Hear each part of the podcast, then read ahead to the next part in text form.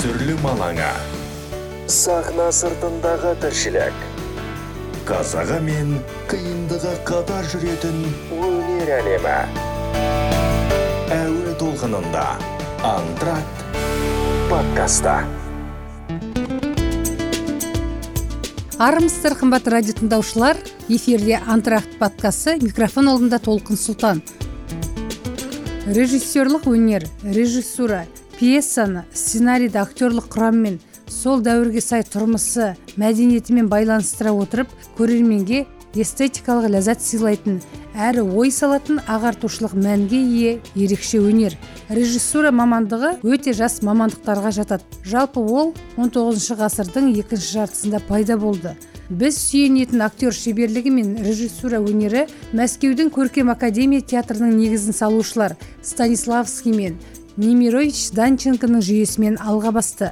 Ал қазақ театр өнері жұмат шанин шәкен айманов әзірбайжан мәмбетов асқар тоқпановтардың тынымсыз ізденістерімен тың жаңалықтармен қарқынды дамып қазақ даласының түкпір түкпірінде театрлар ашылды.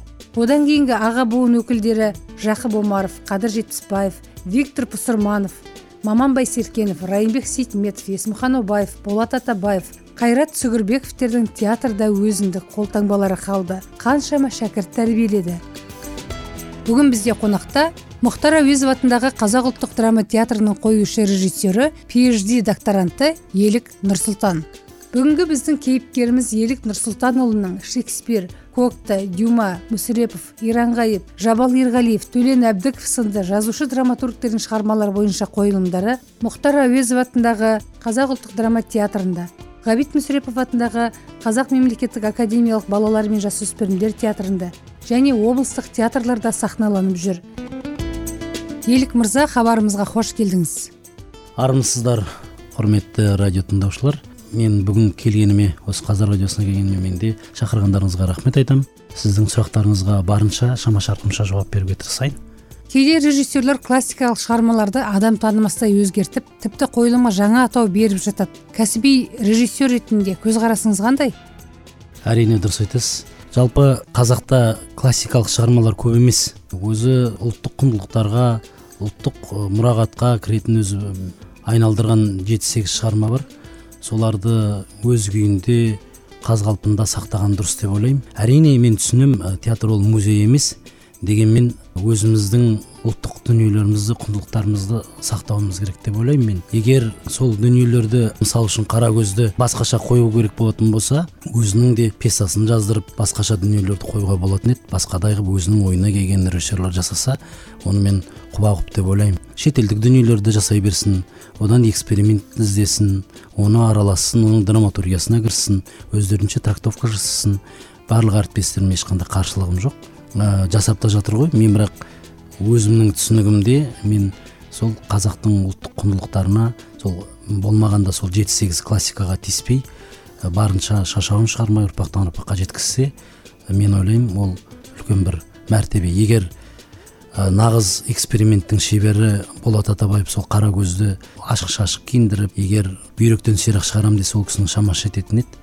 Бірақ ол кісі де отыз жыл бүкіл қазақ театрын дүркіреп тұрған дәуірінде қазақ театрын басқарған әзірбайжан дишманбетов ондай ешқандай бір бүйректен сирақ шығарып ұлттық классикаға өрескел істер қадамдарға барған жоқ. Сондықтан да олар мен ойлаймын ақымақ емес.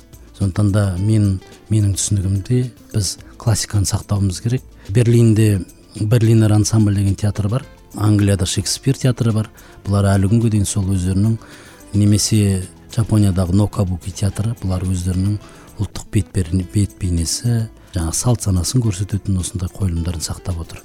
Әйтпесе менің де бір кісідей эксперимент жасауға өзгертуге жаңашалауға қара көзді шешіндіруге шамам жететін еді. Бірақ мен ондайға ұлт алдында ағаларымыз алдында ас көзі тірі асанәлі ағаларымыз бар кешегі ұлылар мен алтын көпір болып жүрген. Сол кісілердің көзі барда ондай бір жүректерін ауыртпай арбаны сындырмай өгізді өлтірмей барынша бір жып жинақы қойылым жасауға тырыстым. Қара көзді қойдым мен қыз қойдым. Сондықтан да бәрінде ешқандай сондай бір өрескел қателіктер жоқ. Заманауиландырганның өзүндө сол баарлык ой касиятындай кылып жасаган сыяктымын сондуктан да енді оны қазір көрермен де көріп жатыр. Кеше астанада міне алғашқы ашылу қара көзбен болды. Сондықтан да менің айтпағым сол классикаға деген жауабым осы. Мен классиканы қатты араласып қатты сындырып білдіруге қарсымын деуге де болады. Классиканы құрметтеу керек қой. Құрметтеу керек. Өйткені ол біздің негізіміз болмысымыз ол біздің түпкі санамыз десек те болады. Жақында ұлан мырза деген жас режиссермен сұхбат құрдым. Ол кісінің айтуынша біз өз туындыларымызды эксперимент жасап заманға бейімдеп өзіміз қойып көрсетпесек шетелдік режиссерлар түсінбейді екен. Оны қалай түсінуге болады? Шетелдіктер біздің қойылымдарды қоюы шарт па? Мен шетелдіктер біздікін қою шарт емес но кабукиді ешкім қоя алмайды.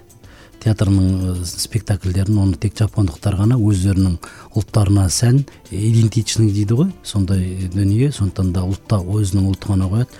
Және тағы сол нокабуки үш сағат жүрсе де соның барлықтарын ерінбей жалықпай аяғына дейін ыждахаттылықпен жапон көрермендері тапжылмай көреді. Және шетелдіктер де. Шетелдіктер үшін біреудің қаңсығы біреуге таңсық деген сияқты біз жаман копировкамен европалық дүниелерге ұқсатып апарғаннан гөрі біз ұлттық дүниелерімізді апарсақ оларға сол экзотика оларға сол қызық. Біз қазақ ретінде өзіміздің бет бейнемізбен өзіміздің салт санамызбен дәстүрімізбен қызықпыз. Біз орыстардың немесе европалық көрерменнің талғамына сай қыламыз деп тура соларға жағынуға тырысып бұл менің ойлаймын өзім менің түсінігімде бұл кішкентай ұлттардың признактары көріністері комплекс. комплекс ә, неполноценность дейді ғой сондай адамдардың. А біз өзіміз үлкен етек жеңімізді жинаған ел қатарлы ел болғаннан кейін мен ойлаймын ол ештеңеден қысылудың да керегі жоқ. Және театр ол европалықтар үшін емес шетел үшін емес. Менің түсінігімде ол. Адамның жан дүниесін шертетін театрдағы көрерменнің сырласатын орны оған қазақ халқының менің түсінігімде қазақ халқына қазақ көрерменіне қазақ аудиториясына арналу керек деп ойлаймын. Енді орыс театрлар тағысын тағы театрлар бар ғой қосымша жүріп жатқан. Олар өзінің қызметтерін жасай жатыр бірақ қазақ театрлар қазақ көрерменіне қызмет ету керек әуелі. Егер біз өзімізді өзіміз сыйласақ жат жаңынан түңіледі деген қазақта жақсы сөз бар. Егер біз өз өзімізді халқымызды толыққанды қанағаттандыратын болсақ онда шетел бізді мойындайды деп ойлаймын. Біз өз өзімізді мойындамай жатып ол біреу келіп шетелді мойната мойындатамыз шетел бізді қарау керек шетел. Ол менің ойымша сол кішкентай ұлттың сол признактары көріністері. Әлі сол әлгі ергежейлі бала сияқты сол үлкендерге өспей жүрген қайтсем өсем деп жүрген сол біреуден внимание көңіл аударғанын қалап сол жетім қозы түрткеншек деп жаңағы сол барынша көңіл аударудың әдістері деп ойлаймын. Сондықтан да бізге үйтудің қажеті жоқ. Өйткені біз әлдеқашан өзіміздің ұлт екенімізді әлемге мойындатқан елміз деп ойлаймын. Ал енді еліктің режиссерлық ұстанымы қалай? Соны білсек. Режиссерлық ұстанымда барынша титтей де болса көрерменге ой салу менің ұстанымым сол.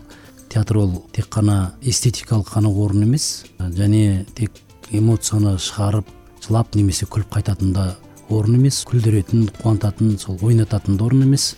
Менің ойымша ол жаңағы сананың санаға сілкініс жасайтын сананы қозғайтын орын деп білемін.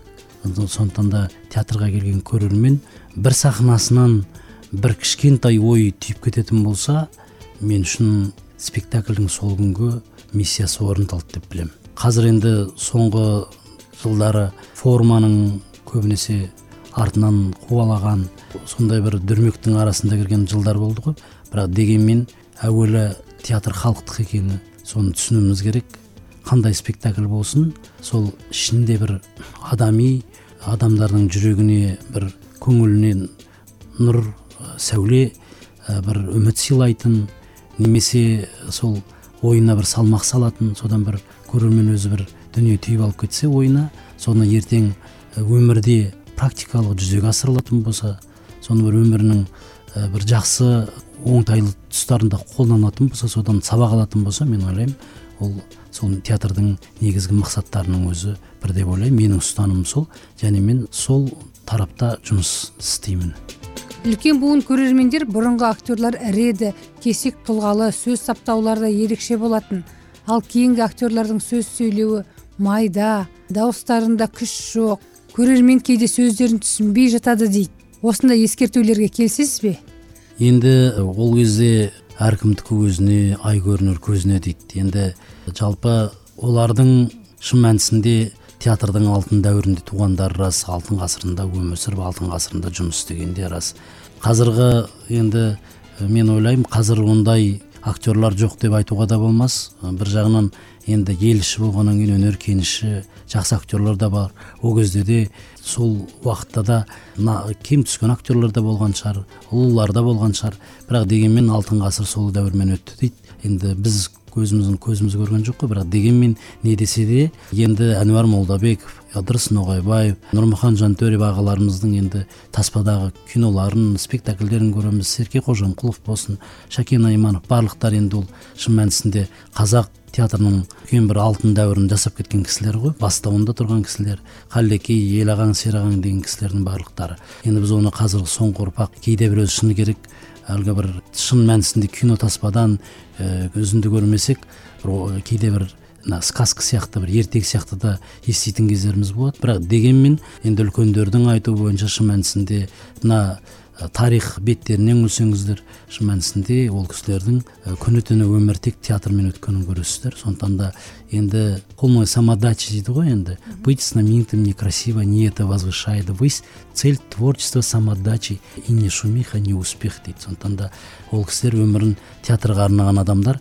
Қазіргі күнде мен ойлаймын енді тағы да бір актерлар дұрыс болмай жатыр деп ойласа ол енді қазіргі бір жағынан актерлық ойындардың дұрыс болмағаны даладағы көптеген мына қызылды жасылды дүние ә, заманчивый дүниелер дейді ғой.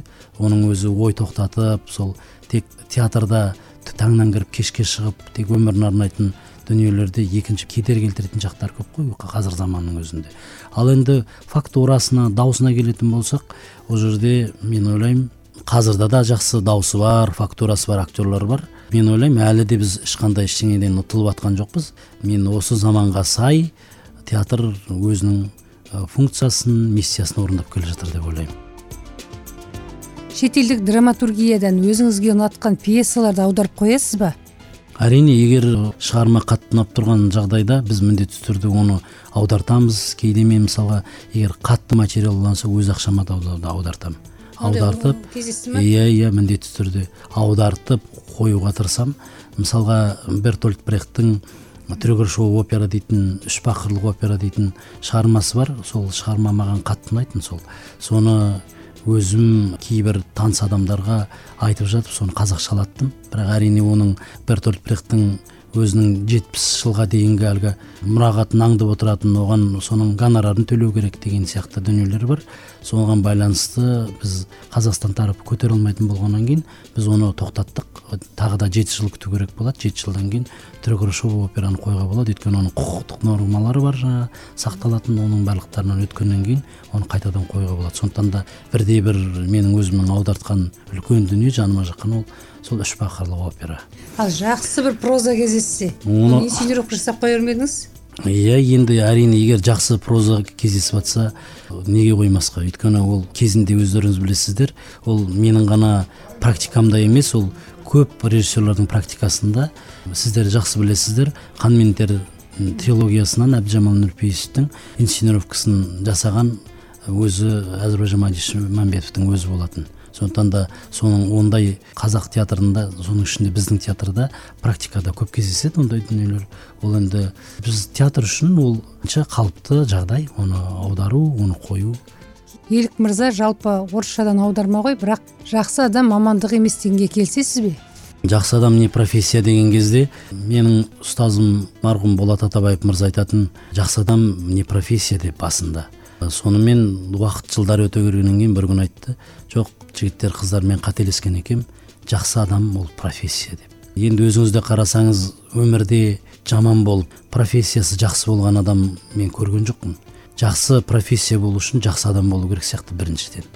Бәрібір адамды айтады ғой құдай сүйер қылығы бар деп. Сол құдай сүйер қылығы бар адамдар солардан бір дүние шығады. Солардан халыққа жететін бір дүниелер болады деп ойлаймын мен. Сол себепті ол жақсы адам не профессия деп барлығын қырып жойып кейбіреулер бастықтың рөлін ойнап біреулер сол әрқайсысы бір бір рөлдерді ойнап жүрген кезде сол ұлттық біздің өзіміздің тәрбиеміз адамға деген сыйластығымыз инабаттылыгыбыз э, жалпы адамгерчилигибизди жоголтуп алмайбыз ба сол? Ол хороший человек не профессия деп орустардын еврейлердин әдейі айткан дүниелери ме деп да ойлойм кейде сол. Сондуктан да менин түсінігімде әуелі адам жақсы адам болу керек. Содан кейін барып жақсы жақсы адамнан жақсы маман шығатын шығар деп ойлойм калгандарынын баары жай дакпырт шығар. Актер мамандыгымен мемлекет және қоғам кайраткери деген биікке көтерілген артисттер аз емес. Кей әріптестерім артисттер қауымын зиялы топқа қосқысы келмейтіндер де жасырын емес. Бұған не дейсіз? Кім не дегенімен де мен ойлаймын ә, бәрінің таразысы уақыт деп ойлаймын. Барлық зиялы оның зиялы еместігі определенный мен ойлаймын белгілі бір критерийлер жоқ оның. Бірақ дегенмен адамның зиялылығы оның парасаттылығы сол. Ол ең бастысы кішіпейілігі сөзі мен ісі сай келетін. Жалпы халыққа жаны ашитын аузы дуалы шындықты айта алатын сондай адам деп ойлаймын мен. Елмен бірге елмен жермен бірге сол ол халық халықпен бірге бірге бола алатын ыстығына да суығына да бірге тоңа алатын адам болатын болса сол нағыз зиялылар деп ойлаймын. Ал енді біздің айтып жүрген зиялыларымыз ол қандай зиялылар екенін мен білмеймін. А менің түсінігімде зиялы адам сондай болу керек деп ойлаймын. Ол болашаққа ұрпаққа жанашу керек. Менің ұстазым қазір енді марқұм болат манашұлы атабай өмірден өтті ғой айта беруге болады қазір. Ол адам еді. Барынша қаншалықты шындықты айтып жатқанның өзінде ол кісіні қоғамда теріске көрсетуге тырысты. Бірақ ол соның барлықтарын ертең менің немеремнің бетіне қалайым қараймын деп өмір өмірден өтті. Сол барынша сол халықтың жағында қалай қайтсем осы елге ой салам қайтсем осы елдің болашағына титтей деп осы жарқын болуына өзімнің үлесімді қосам деп өтті күресіп өтті сондықтан да мен ойлаймын ол болат манашұлының әлі бағасы беріле жатар. Мен үшін бірден бір зиялылардың бірі болат манашұлы атабаев. Тағысын тағылар көп қой енді оны өзіңіз де санамалап айтып жатырсыз бірақ дегенмен осындай адамдар деп ойлаймын. Елік мырза өзіңнің әріптестерің замандастарың біздің жас режиссерлердің бара жатқан бағыты дұрыс па? Тағы да айтайын енді өмір деген бір үлкен керуен болатын болса керуенде бір типтегі бір формадағы бір әлпеттегі адамдар болмайды ғой. Әртүрлі адам болады ішінде. Әртүрлі керуеннің де неше түрлі орындары болады. Оның көштің алды болады арты болады ортасы болады деген сияқты. Біздің де қазақ режиссурасында біркелкі құрыды бітті деп те айта алмаймын әлі және тағы әлі біз уже әлемнің алдындамыз деп те айта алмаймын біз сол үлкен керуен сияқты кемшіліктер де бар жетістіктері де бар толықтыратын жақтары да бар жеткен жақтары да бар үлкен көш деп ойлаймын. Сондықтан да бұл әрине отбасы болғаннан кейін анадан ала да туады құла да туады дейді. Сондықтан да қоғам болғаннан кейін оның әртүрлі болуы ол заңдылықты деп ойлаймын. Сондықтан да әртүрлі қазір режиссура бағыты дамып келе жатыр әртүрлі жағдайда әртүрлі деңгейде дамып келе жатыр. Плагиатпен айналысатындар да бар. Оны сол кейде біздің көрермен жаңағы ютуб беттерін көрмейтін көрермендер соны кейбіреулердің ұрлап әкелгендерін жаңалық деп қабылдап жатқандар да бар. Сондықтан да сол барынша жаман да болса өзінің жан дүниесінен шыққанда жасап жатқан режиссерлер де бар. Сондықтан да ұрлықсыз ешқандай сондықтан да әртүрлі бар. Айтып тұрмын ғой сол өзі қызық қой өзі. Қоғам болғаннан кейін әртүрлісі бар. Ол сол себепті осындай бір күй кешіп жатқан жағдайымыз бар. Бірақ ешқандай күдер үзбейміз жақсы жақсылықты күтеміз. Әлі жақсы дүниелер болады. Мен де соның ішіндемін. Мен де сол дүрмектің ішінің біреуінде жүрген шығармын. Сондықтан да қоғам болғаннан кейін болады. Әлі жақсы күндер туады туып та келе жатыр. Елік мырза өткенде мектептегі жоғары сынып оқушылары арасында сауалнама жүргіздім қазақша контентте қандай сайттарды оқисыңдар қандай телеарнаны көресіңдер радио тыңдайсыңдар деп. Сонда олар бірауыздан қазақстанда 12 мен 18 жас аралығында яғни біздерге арналған ештеңе жоқ. Яғни телеарна болсын радио болсын жасөспірімдерге арналған қызықты сайттар да жоқ. Жалпы біздің жасымызға арналған біз көретін біз үлгі алатын ештеңе жоқ. Яғни бос кеңістік. Сол бос кеңістікті біз шетелдік контенттермен толтырамыз. Сондықтан бізге үлкендер ренжімесін деді. Осы пікірге келісесіз бе? Енді бұл жөнінде менің де ойым былай. Ол ұлттың тәрбиесі ол ұрпақ тәрбиесі ғой. Ұрпақ тәрбиесі дұрыс болса ұлттың да тәрбиесі. Болашақ ұрпақ ұлт деген сол сол бүгінгі балалардан басталады.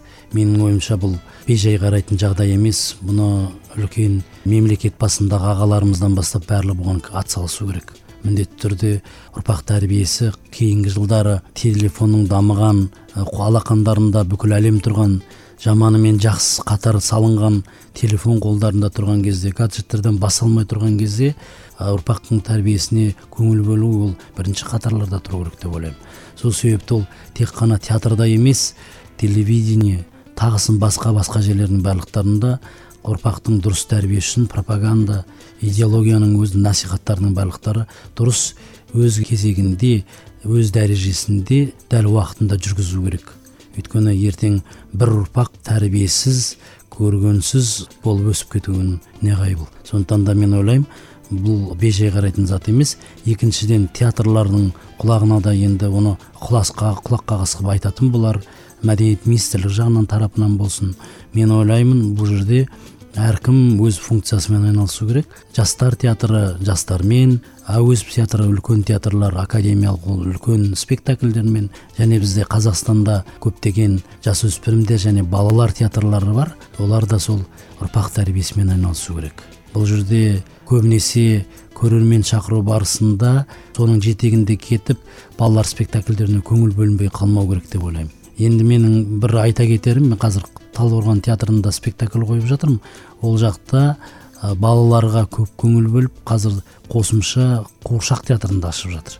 Сондықтан да мен ішінен жаңағы сол қазіргі басқарып отқан театрдың басқарып отырған бауырымыз ерлік жосбек мырзаға риза болдым. Сол қуыршақ театрын ашып жатқан және осы қарағанды театрынан да қазір құрман деген бауырымыз директоры ол жігіт те қазір қуыршақ театрын ашсам ба? деген ой бар.